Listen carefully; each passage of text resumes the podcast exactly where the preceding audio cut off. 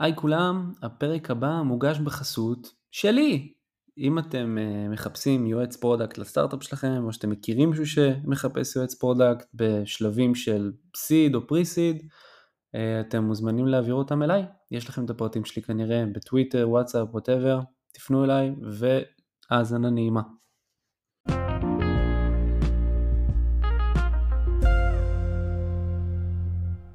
המון המון תודה.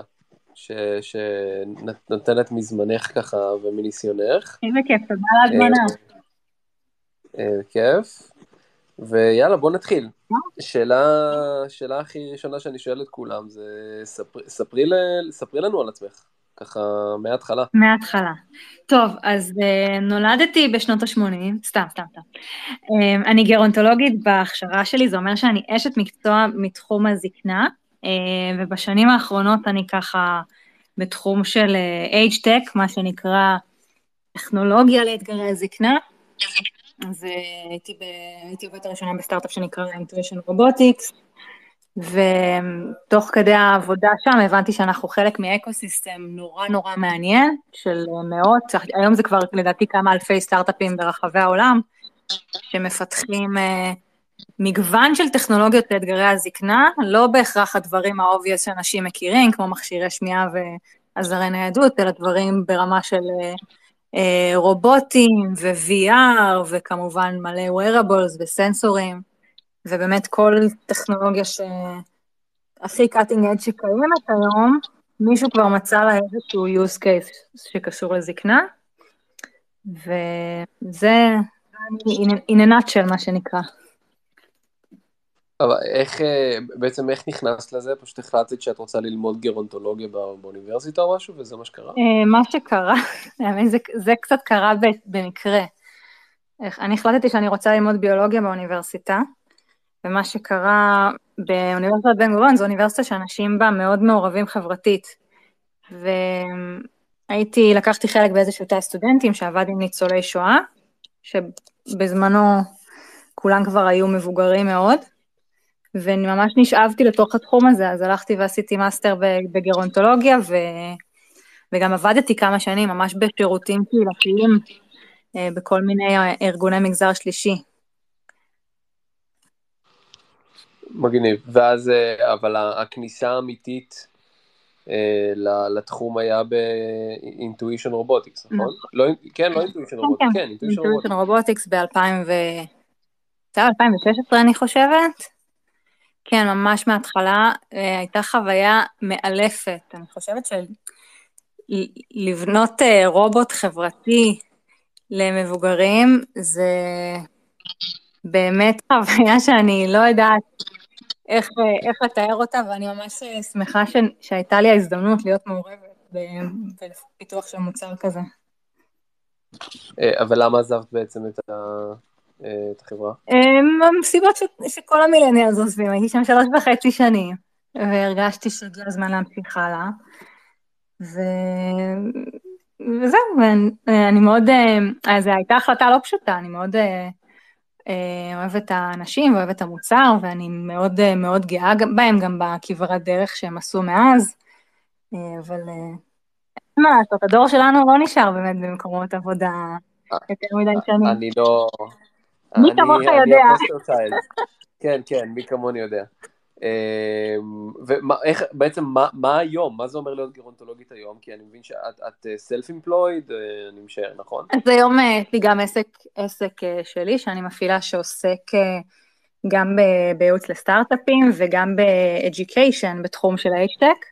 אז הקמתי בשנה שעברה גם את ה-HTech Academy, שבעצם מכשירה אה, יזמים ויזמות ואנשי ונשות מוצר מכל העולם בעצם על התחום הזה, וגם אה, בעצם מלמדת אה, אנשי ונשות מקצוע מתחום הזקנה, איך עושים sourcing לטכנולוגיה, זה עולם שהוא זר להם לחלוטין. ובנוסף לזה, בעקבות החוויות שלי ב... בסטארט-אפים, ראיתי שיש גם המון המון רצון בקרב אה, אה, מהנדסות, מהנדסים, מעצבות, מעצבים גם, לעשות משהו עם impact, אז אה, החלטתי גם להיכנס בעצם לשנקר ולהקים שם את AgeLab, שזה בעצם מרכז שמכשיר סטודנטים סטודנטיות על איך להשתמש בכישורים ובכישרונות שלהם, זה באמת מקום עם אנשים מאוד מאוד מוכשרים ויצירתיים, לפתור את אתגרי הזקנה, או לפחות אה, את חלק מהם, אי אפשר לפתור את הכל בבת אחת. כן, וגם כמובן שכתבת ספר בתחום. נכון, גם יצא השנה ספר, ממש בתחילת שנה בינואר יצא ה-HTech Revolution, שבאמת אה, זכה להצלחה, וואו, הרבה מעבר לציפיות שלי. הגענו אפילו לרב מכר באיזה שתי קטגוריות באמזון, וממש בקרוב, ההארד קאבר כבר, כבר זמין, וגם האודיובוק זמין כבר בכמה פלטפורמות. לא באודיובול עדיין, מחכים, אבל אה, זה גם זמין כבר בכמה פלטפורמות. מגניב. אני, אני גאה להיות אחד מהבקרס נכון, של הספר. נכון, אם תטפטפו בספר, תראו בסוף אה, את, את התודה לאור אזולאי. וואי, באמת? לא, לא, איך, איך לא ידעתי לא. את זה? יואו, איזה כיף. טוב, אני לא, אני אף פעם לא מגיע ל-thank you בשום ספר אי פעם, אבל יופי, עכשיו טוב, טוב לדעת. קול. Uh, cool. אז uh, את רוצה לספר לנו קצת על האתגרים בתחום? ברור. אמ, אז האתגרים הם, הם באמת מאוד מגוונים. קודם כל, צריך להבין שאנחנו חווים עכשיו, העולם שלנו עובר איזשהו שינוי דמוגרפי שהוא חסר תקדים בהיסטוריה של המין האנושי. מעולם לא הייתה תוחלת חיים כל כך גבוהה בכל כך הרבה מדינות בעולם, גם במדינות המתפתחות דרך אגב, וכל מי שנמצא פה בעצם על השיחה, בסטטיסטית יש לכם סיכוי מאוד מאוד טוב להגיע לגיל אה, 80, 80 מאוחר, 90, אולי אפילו גיל 100, מדברים היום על, על להתכונן לתוחלת חיים של 100, חיים, 100 שנה.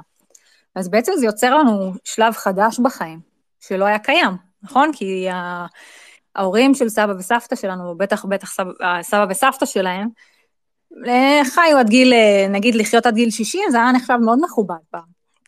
היום אנשים יש להם עוד תוחלת חיים של 30 שנה, 20-30 שנה אחרי גיל פרישה, שעולה כל הזמן, אבל זה בוא נשים בצד.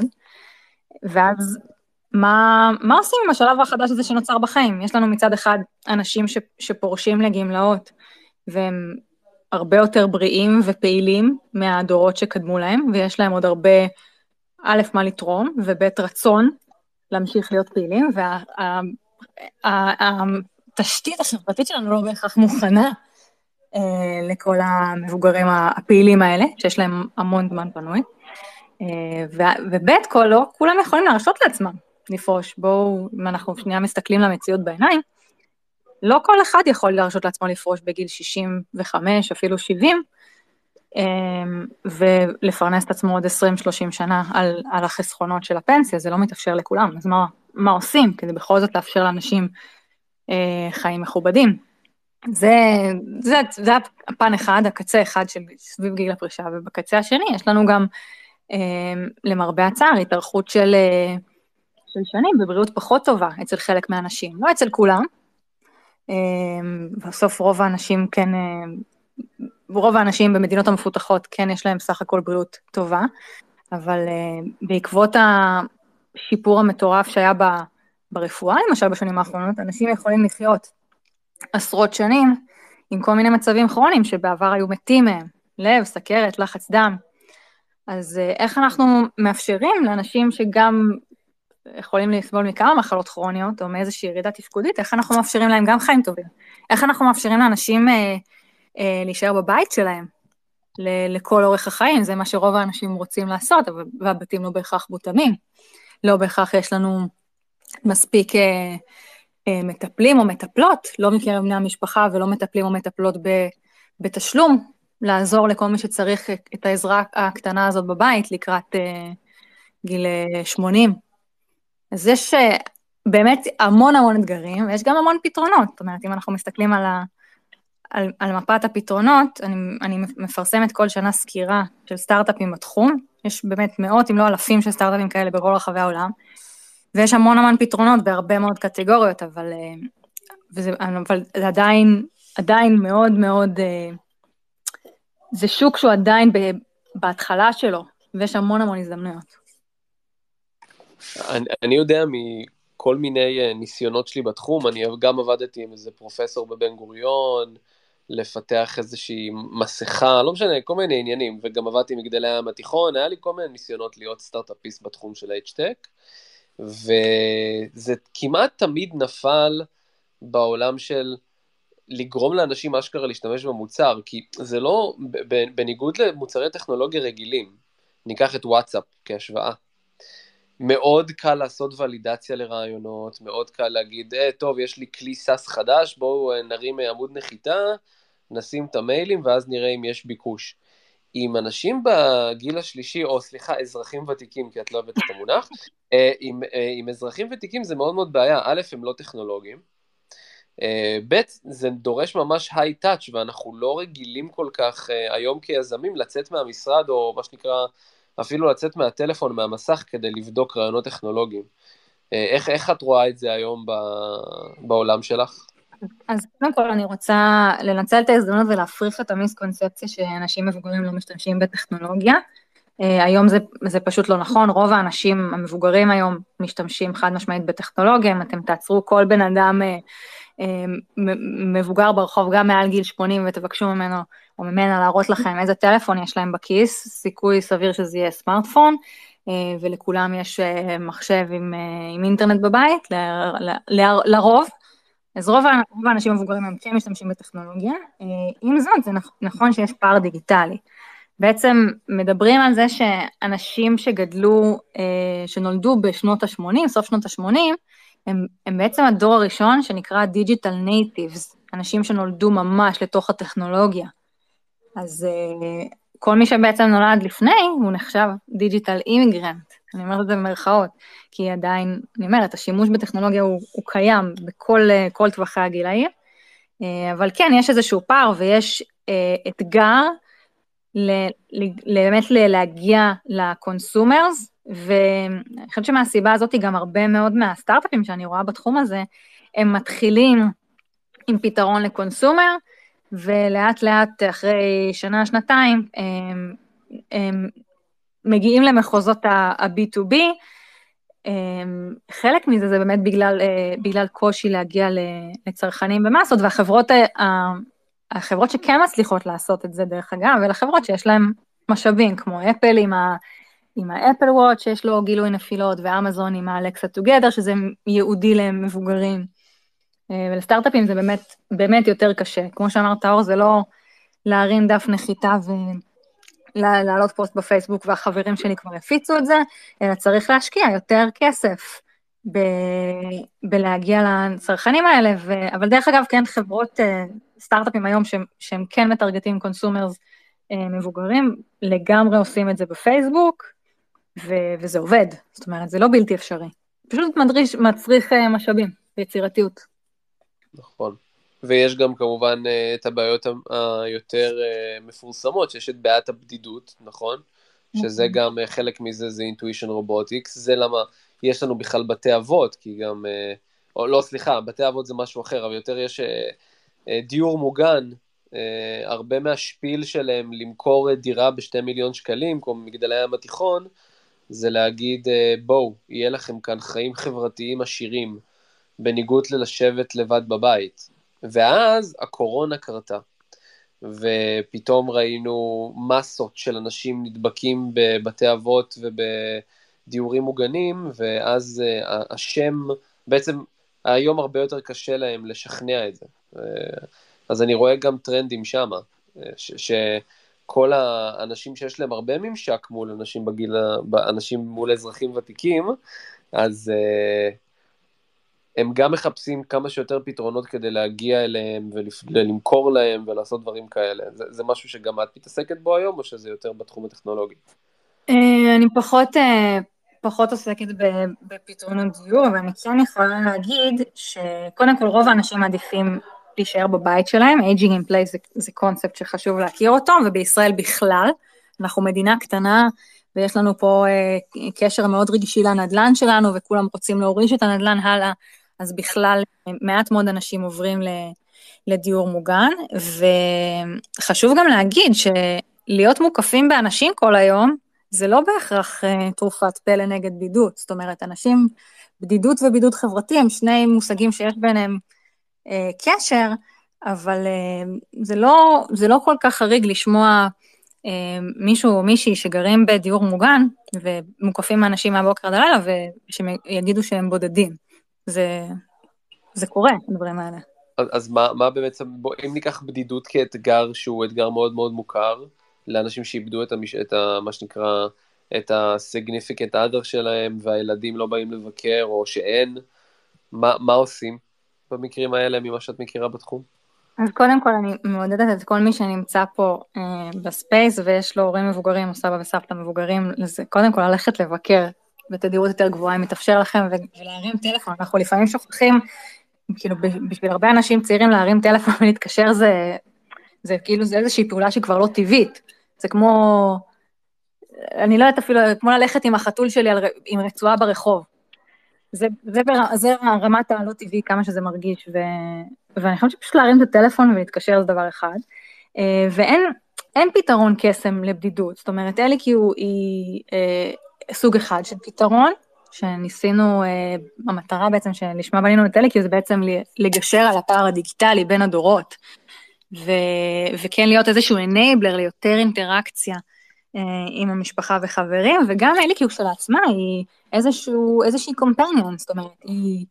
היא לא בדיוק מחשב, היא לא רמקול חכם, היא איזושהי אה, ישות כזאת שיושבת בבית בסלון, ובאמת אה, יכולה באופן פרואקטיבי גם לתקשר עם המשתמשים שלה, זאת אומרת, בשונה מרמקול חכם, או כמו אה, אלקסה, היא לא יושבת בפינה ומחכה לפקודה, אלא היא יכולה להחליט שהיא יוזמת אינטראקציה, על סמך כל מיני גולס ועל סמך כל מיני אה, העדפות של המשתמש וכמה אינטראקציות היו באותו יום, איזה סוג אינטראקציות, היא יכולה להחליט ש, שבבוקר שהמשתמשת שלה קמה, היא אומרת לה בוקר טוב איך ישנת, או יכולה להגיד שהיא החליט שהיא סתם אה, מהבהבת עם, עם הלדים, סתם כדי להראות לה שהיא שמה לב לנוכחות שלה.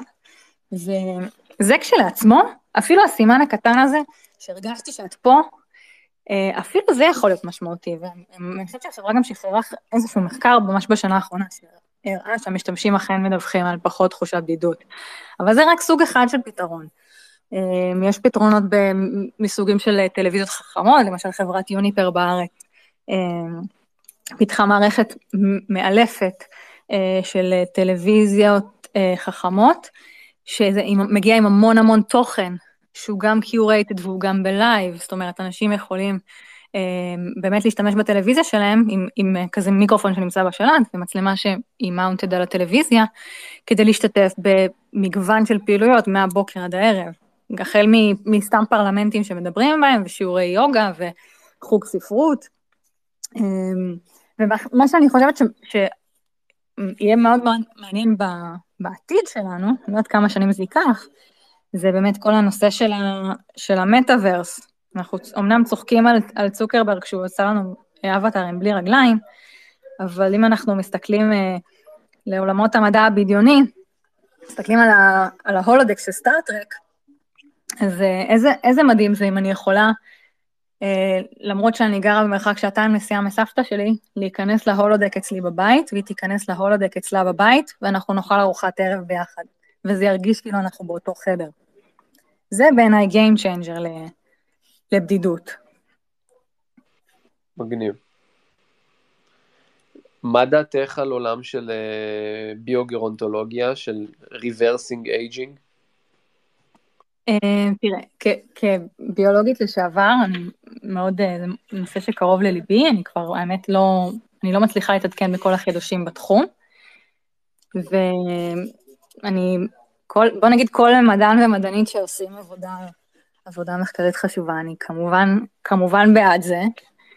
אה, אני חושבת שאז צריך לשאול שאלות יותר פילוסופיות, זאת אומרת, כמה אנחנו רוצים לחיות. אם אני, אם אני אומרת לך עכשיו, אור, קח את הכדור הזה, ואתה תחיה עד גיל 200, אתה לוקח? אם כולם מסביבי לא, גם חיים עד גיל 200, אז כן, אם לא, אז יהיה באסה ממש. ואם כולם מסביבך יחיו עד גיל 200, היום יש 8 מיליארד אנשים על, על הפלנטה, האם, האם, האם כדור הארץ מסוגל לתמוך בכל כך הרבה אנשים? אה, אני מניח, אבל התשובה שלי היא שאנחנו כאנושות נסתגל. זאת אומרת, כן יהיו קשיים של overpopulation, ואנחנו ממש נעשה נזק משאבי לכדור הארץ, אבל שאנחנו כן, מכיוון שיהיה לנו הרבה יותר שנים יצרניות, הרי כמה שנים יצרניות בפועל יש לנו? מגיל 25 עד גיל 65, כן?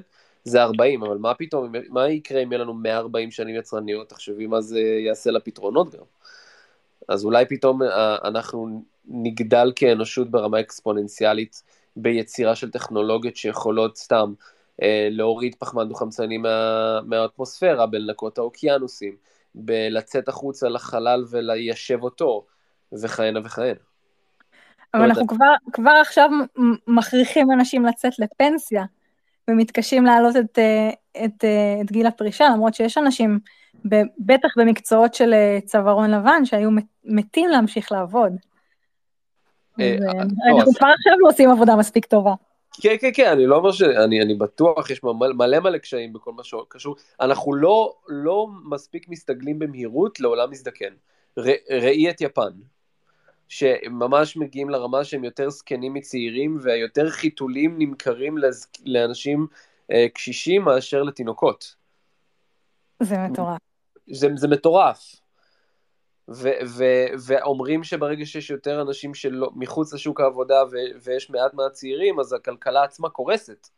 הכלכלה של יפן בהחלט, לפי הנתונים, לא גדלה בקצב שהיא הייתה יכולה לגדול.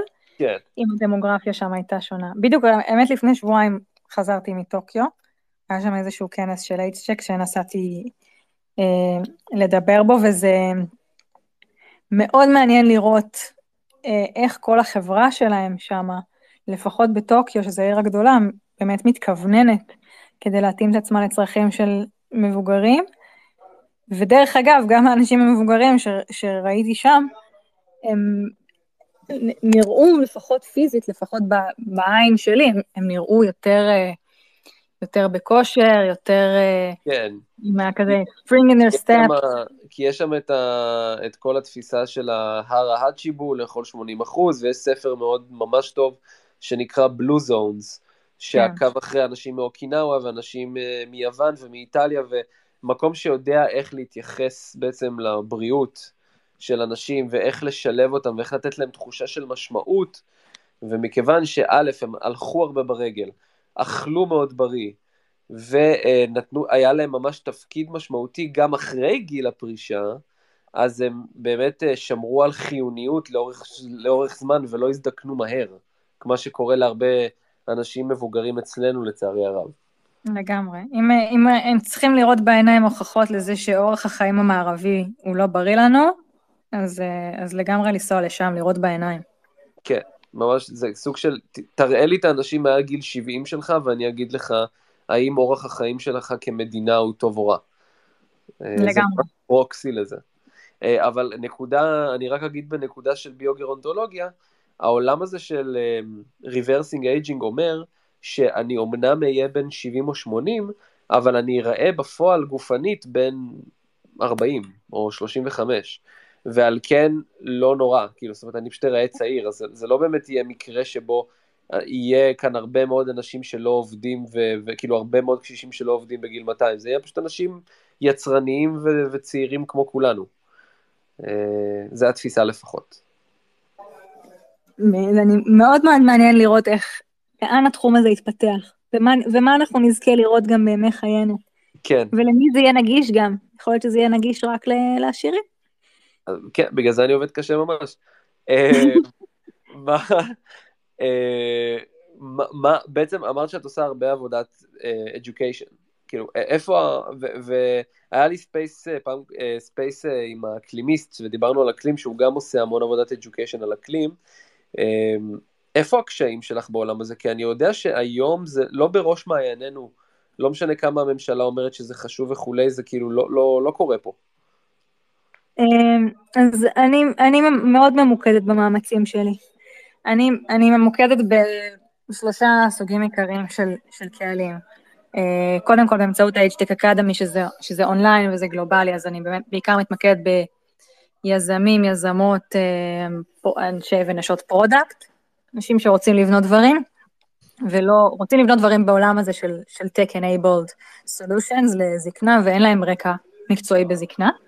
אז אה, זה קהל אחד, הקהל השני, כמו שאמרתי, זה אנשי ונשות מקצוע מתחום הזקנה, שרוצים להביא טכנולוגיה לארגונים ורוצים לעשות innovation וצריכים אה, איזושהי, איזה שהם יסודות בעצם כדי בכלל לדבר את השפה הזאת של הטכנולוגיה. והסוג השלישי זה באמת חבר'ה אפילו עוד יותר צעירים, סטודנטים וסטודנטיות לעיצוב ולהנדסה בשנקר, שאני באמת מכשירה אותם על, על מה זה בכלל העולם הזה של, של H-Tech, מה זה בכלל זקנה ולמה זה חשוב להשקיע בזה או לפחות להכיר את זה.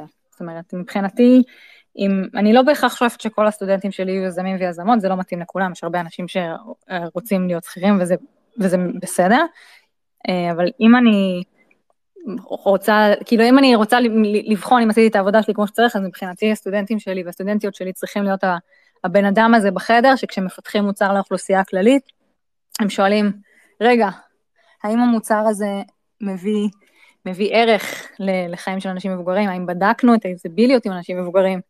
האם זה משמח אותם? האם, האם בן אדם מבוגר שיקח את המוצר הזה לידיים, האם זה, האם זה יגרום לו לחייך? אז אם, אם הסיטואציות האלה יקרו, אני מבחינתי את שלי עשיתי. מגניב. ו- ובעצם את רואה את עצמך גם עוד איזה עוד חמש שנים עושה בדיוק את אותה עבודה, או שאת זורמת? תשמע, אם היית אומר לי לפני חמש שנים, שהיום אנחנו נהיה פה וננהל את השיחה הזאת, אני לא הייתי מאמינה לך. אז uh, אני, אני, אני רוצה להגיד שכן, אבל החיים uh, כל כך דינמיים והעולם שלנו כל כך דינמי, שבאמת אין לדעת. אבל בגדול האוטופיה בעינייך זה שכל מוצר ש... שהוא לאוכלוסייה הכללית באמת יהיה מאוד מאוד מובן ברמה ה-UXית, זאת אומרת שאימא שלי לדוגמה לא תצטרך לבוא ולשאול אותי, אורי, איך עושים אה, העברת image בוואטסאפ או מה שזה לא יהיה. זה, זה הבסיסי, usability זה, זה הבסיסי. אני רוצה שיקחו את זה צעד אחד קדימה, אני רוצה שיחשבו אם זה מביא ערך לחיים של אנשים מבוגרים. אין סיבה שמוצר שפונה לאוכלוסייה הכללית, יפנה לאוכלוסייה של 20 אה, עד, אה, עד 70. למה, למה יש לנו cut-off? למה אנחנו מחליטים שאנשים מעל גיל מסוים לא שווה להתייחס אליהם ואנחנו לא לוקחים אותם בחשבון?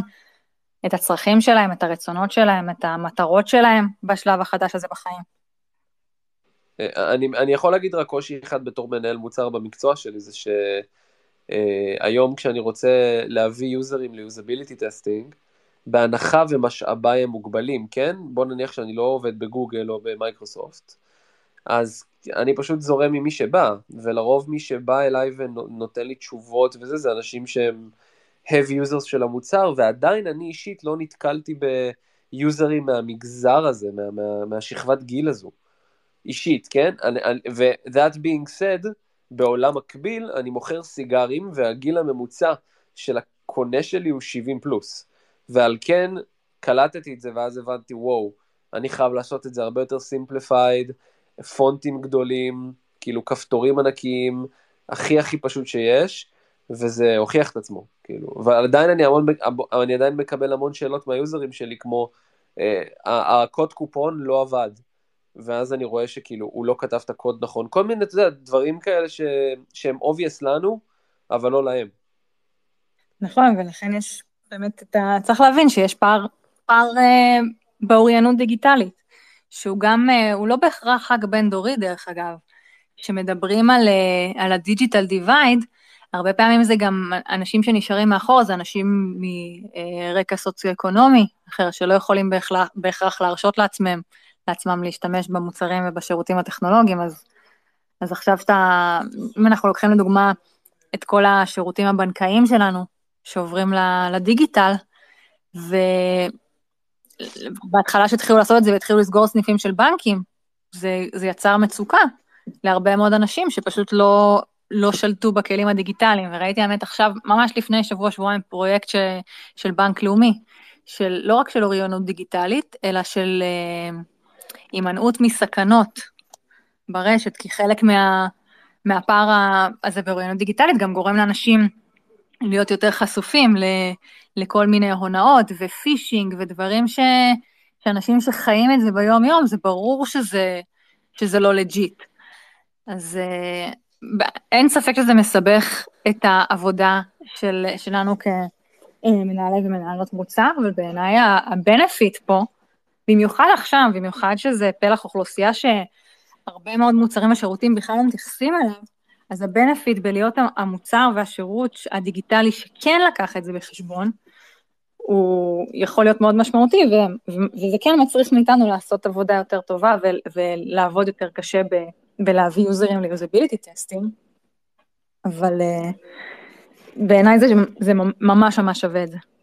אני, מנגד, אני, בעלת הבית שלי, שהם אה, בגילי הכמעט 80, בזמנו, אה, הייתה הולכת לקורס שמישהו הרים, של אוריינות הבסיסית ביותר באפליקציות, זאת אומרת, הוא היה מסביר להם איך משתמשים בביט, איך משתמשים בוואטסאפ נכון, איך עושים, איך משתמשים במייל, הדברים שלנו נראים נורא נורא obvious, ומכיוון שהיא בן אדם שמגדיר את עצמה כבן אדם שלומד ומסתגל, אז היא ממש הלכה, אבל ההשערה שלי היא שרוב האנשים בשכבת הגיל הזו בכלל לא יודעים שיש קורס כזה, זאת אומרת, כאילו, עד, עד, או, או שיש להם את בעיית שפה, או עולים חדשים, בראשון לציון רואים את זה הרבה, זאת אומרת, כאילו, בכל האוכלוסייה מעט מאוד, יש פשוט מעט מאוד אנשים שאשכרה מדברים עברית בגילאים האלה. אז זה גם איזה עניין אה, בעייתי, כל העולם הזה של התאמה לתרבויות שונות, כי אנחנו, אה, שכחתי את המונח, אבל כאילו, שכחתי, אה, אה.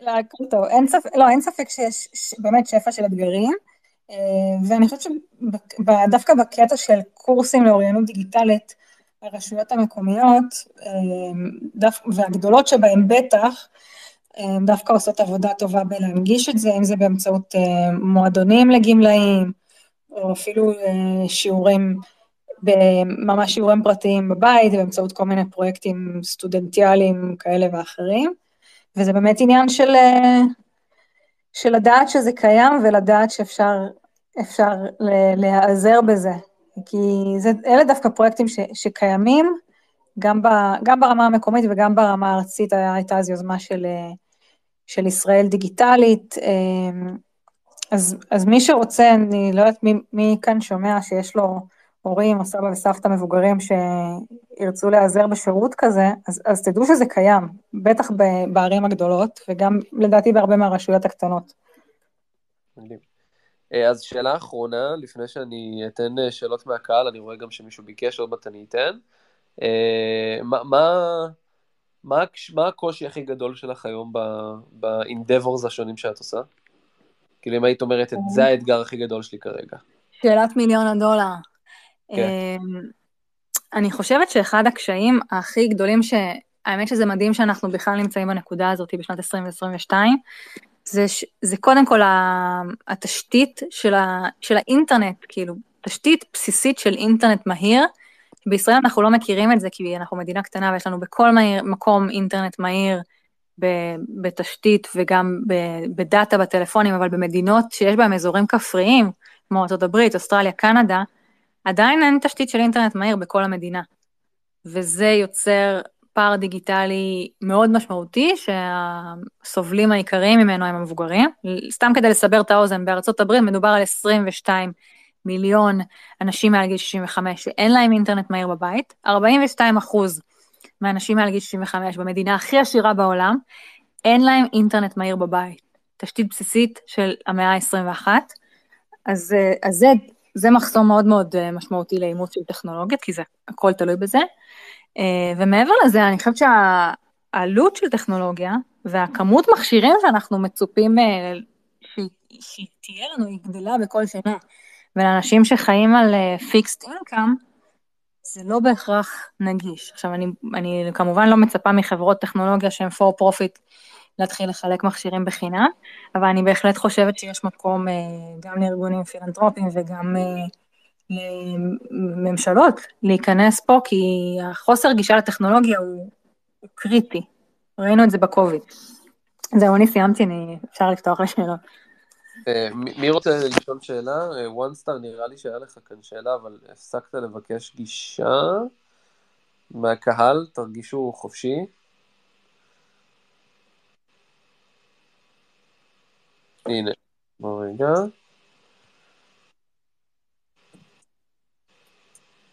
היי, ערב טוב. קודם כל, uh, תודה על, ה, על, ה, על השינוי האווירה פה בספייסים. אחלה נושא. אבל uh, אני רוצה לשאול שאלה, איך את מתמודדת עם הסיטואציה ש, שהגיל, הגילאים שאליהם את מכוונת, בעצם, uh, ואני אתן דוגמה מהסביבה ש, uh, שבה אני חי, uh, שאומרים לי, uh, תשמע, הטכנולוגיה זאת אחלה, זאת אופציה שקיימת, אנחנו משתמשים בזה לטובת אה, trade בשוק ההון, אבל בכל שאר הדברים שקשורים להנגשה, אנחנו מעדיפים לצאת מהבית. מעולה. מי, ש... מי שרוצה לצאת מהבית ויכול לצאת מהבית, זה מדהים, למה, למה לא? אני חושבת שלהירקב מול המסכים כל היום, זה לא בהכרח הדבר הכי, הכי בריא לבריאות הפיזית והנפשית שלנו. ואם לצאת מהבית מביא לבן אדם יותר ערך לחיים מאשר להשתמש בטכנולוגיה, אז, אז ברור שזה הדבר הנכון לעשות. לא, ברור, אני איתך, אני מסכים. מגניב, uh, תודה. עוד מישהו שאלות לקרן, חברים? משהו?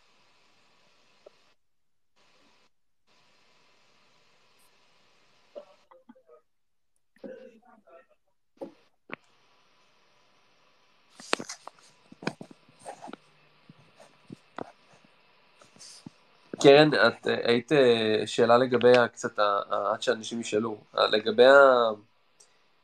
יש לך היום מקשרים עם, עם, עם ה-decision makers בארץ? זאת אומרת, יצא לך לשבת עם, אה, לא יודע, חברי כנסת או ועדות כאלה ואחרות כדי להשפיע מהצד הזה, או שזה לא הקטע שלך?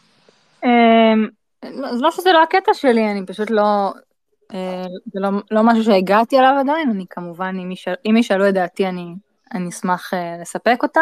אני, אני כן יודעת אבל שכן יש, uh, כן יש מאמצים ממשלתיים uh, באמת לקדם טכנולוגיה לאתגרי הזקנה ולקדם שימוש בטכנולוגיה בקרב מבוגרים, ב, באמת ברמות הכי גבוהות, אם, אם זה ישראל דיגיטלית ואם זה של ג'וינט ואם זה ביטוח לאומי ורשות החדשנות, אז, אז הדברים ידועים, זאת אומרת, הדמוגרפיה היא מוכרת לכולם, הצרכים, ידועים ומוכרים, וכמובן שאם ישאלו את דעתי אני אשמח לספק אותה, אבל אה, אני חושבת שסך הכל אנחנו, אנחנו באמת start-up nation, ואני חושבת שאנחנו במקום טוב גם מבחינת המודעות של אה, מקבלי ההחלטות. ולמי מאיתנו שיש באמת אנשים אה, בחיינו מעל גילאי ה-80 פלוס, מה, מה היית ממליצה, איך אנחנו יכולים לעזור להם? מלבד לעשות להם את ה-occasional phone call ולשאול מה שלומם? אה, אז זה ממש כל מקרה לגופו, אני חושבת ש, שאנחנו באמת צריכים, קודם כל צריכים לדבר יותר עם, עם כל האנשים החשובים בחיים שלנו, ובמיוחד עם האנשים החשובים בחיים שלנו שהם אה, יותר מבוגרים, כי אנחנו אף פעם לא יודעים מתי תהיה השיחה האחרונה. ו, לנהל את השיחה של מה, מה, חשוב, מה חשוב לך עכשיו בחיים, לבוא לסבתא, מה, סבתא, מה חשוב לך עכשיו בחיים? מה, האם יש משהו ש, שמעכב אותך, עוצר אותך, האם יש משהו שקשה לך, שאת לא מצליחה לעשות והיית רוצה לעשות? ו, ולחשוב איך אתם יכולים לפתור את זה, וזה לא חייב להיות אה, אה, פתרון טכנולוגי, AI, Machine Learning, אה, whatever, זה יכול להיות לפעמים דברים מאוד מאוד פשוטים של כל מיני האקים קטנים שאתם יכולים uh, לסדר, ו, ובאמת uh, יכולים לשפר את איכות החיים ולעזור uh, לעזור לעשות דברים ש, שלא בהכרח הם קלים להם, אבל הם מאוד קלים לנו. אז uh, כן, uh, כן להיות קשובים ולדבר ולשאול. אני, אני לא שאלתי אנשים, אנשים מבוגרים על טכנולוגיה עד, ש, עד שהתחלתי לעבוד באינטואישן. כשעבדתי במגזר שלישי שירותים קהילתיים וסיוע אה, לניצולי שואה נזקקים, זה לא היה באג'נדה. אבל כשהתחלתי לדבר והתחלתי לשאול את השאלות האלה, פתאום אה, גיליתי, א', כמה יש רצון לאמץ טכנולוגיות וללמוד ולהשתמש, אה, ומצד שני, כמה זה קשה לעקוב אחרי כל השינויים. גם לי זה קשה, זה העבודה שלי. וזה, הטכנולוגיה מתקדמת כל כך מהר, שאני לא חושבת שזה הוגן לצפות מאנשים שלא חיים את זה, לעקוב אחרי הכל וללמוד הכל ולדעת גם uh, לברור מה שווה את הזמן ואת האנרגיה שלי ואת הכסף שלי ומה לא, ו... ופה בהחלט בני המשפחה נכנסים לתמונה. מגניב. אה, אז אם לאף אחד אין עוד אה, שאלות, ניתן לכם עוד איזה שלוש שניות לבקש. קרן, ממש, ממש ממש ממש תודה על הזמן. תודה לך, אור, שהזמנת אותי. היה כן. כיף לדבר. אני חושבת, זו פעם ראשונה שאנחנו מדברים ככה בקול, עם וויס. נכון, נכון, נכון, נכון. רגע, אני אתן לעמוס לומר משהו.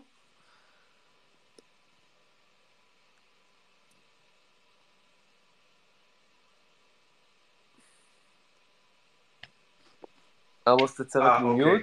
היי, סליחה, אה, הצטרפתי ממש לפני כמה, אה, שתי דקות או שלוש, אז אני לא יודע אם אני, אם דשתם בזה או דנתם, בהקשר של אה, שווקים, זה קצת מזכיר לי את העולם של דיג'יטל אלף שהוא סוג של מבנה, או כאילו אנחנו לא יודעים בעצם מה יהיה שם, כי זה שווקים מאוד מוזרים, גם בהיבט של מי משלם, ולא משנה.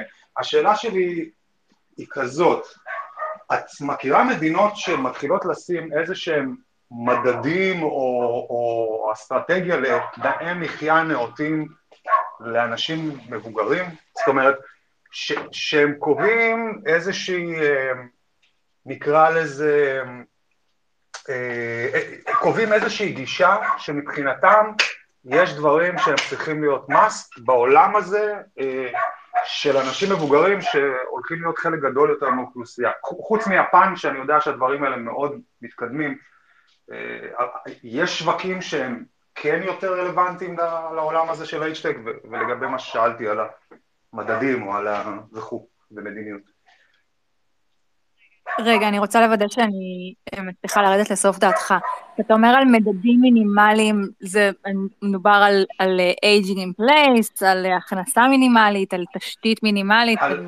מה... מה איפה את רואה את השווקים הקרובים והמעניינים, ובהקשר הזה, האם יש מדינות, כמה שאני מבין וחושב, זה מדינות שמאמצות איזה שהן, אה, או מפתחות אג'נדה לתנאי מחיה אה, מינימליים או עוקבות או, או מייצרות מדדים, האם יש מדינות שהולכות להיות בחזית של הדבר הזה, האם זה בכלל ש...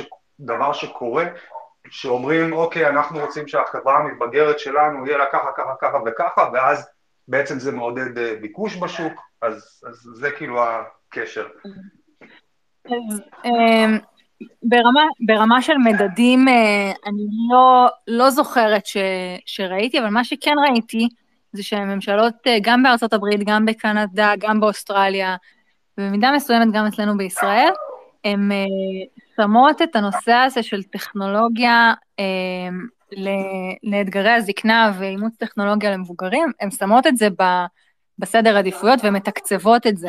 זאת אומרת, אם זה בארצות הברית ובקנדה, שהחליטו להשקיע כספים פדרליים בלחבר לתשתית אינטרנט מהיר את כל המדינה, גם את האזורים הכי מרוחקים, ואם זה באוסטרליה שהם אה, בדוח האחרון של ה-Royal Commission על aged care, הם החליטו להקצות איזשהו אחוז מסוים לטכנולוגיה, או בקנדה ובארצות הברית וגם בישראל יש כל מיני גרנטים, כמו, כמו רשות החדשנות, אז יש להם בארצות הברית את ה-NIH, ובקנדה את, את, את כל, כל הממשלות של הפרובינציות שמממנות מיזמים טכנולוגיים דרך כל מיני ארגונים, ובאנגליה יש את ה-NHS, אז, אז התמריצים הם יותר מהכיוון של לעזור לסטארט-אפים, ובמידה מסוימת גם לעזור למבוגרים לקבל גישה לטכנולוגיה, אבל זה זה אפילו יותר ברמת הממשל המקומי. למשל במדינת ניו יורק, בארצות הברית, אז state of New York, הם קנו בזמן הקוביד, אה, הם חילקו המון המון כלבים רובוטים למבוגרים בודדים, ולאחרונה הם רכשו אה, כמה מאות יחידות של ElliQ, של Intuition Robotics, כדי לחלק למבוגרים במדינת ניו יורק. אז, אז התמריצים קיימים, וה, והממשלות בהחלט משקיעות בזה משאבים. אה, אבל לא ראיתי עדיין סט, סטנדרט, איזשהו סטנדרט מינימלי שמישהו פרסם, אולי מישהו צריך לעשות את זה.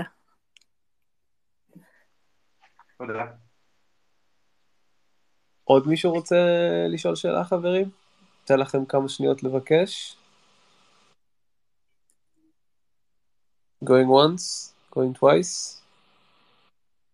טוב, אז אני אסכם שוב, קרן, המון המון המון תודה על הזמן והכל, ואני, ובאמת, אה, אני, אני חושב שאת עושה עבודת, את עושה עבודת קודש, באמת, ממש ממש. תודה, תודה, אור. ממש סקרן uh, לראות uh, כמילניאל, כפלו מילניאל, uh, לאן, uh, well, כאילו, לאן תגיעי עם המאמצים האלה. Uh, וזהו. רק להשתלטות עולמית של תחום ה-H-Tech, לכל בית, בכל בית בישראל וכל בית בעולם. לגמרי. טוב, אז שיהיה לילה טוב לכולם, ותודה לכולם שגם הקשבתם לנו. לילה טוב, תודה על ההאזנה, ושוב תודה אור על, על ההזמנה ועל האירוח, היה תענוג. כן. יאללה, ביי כולם. ביי.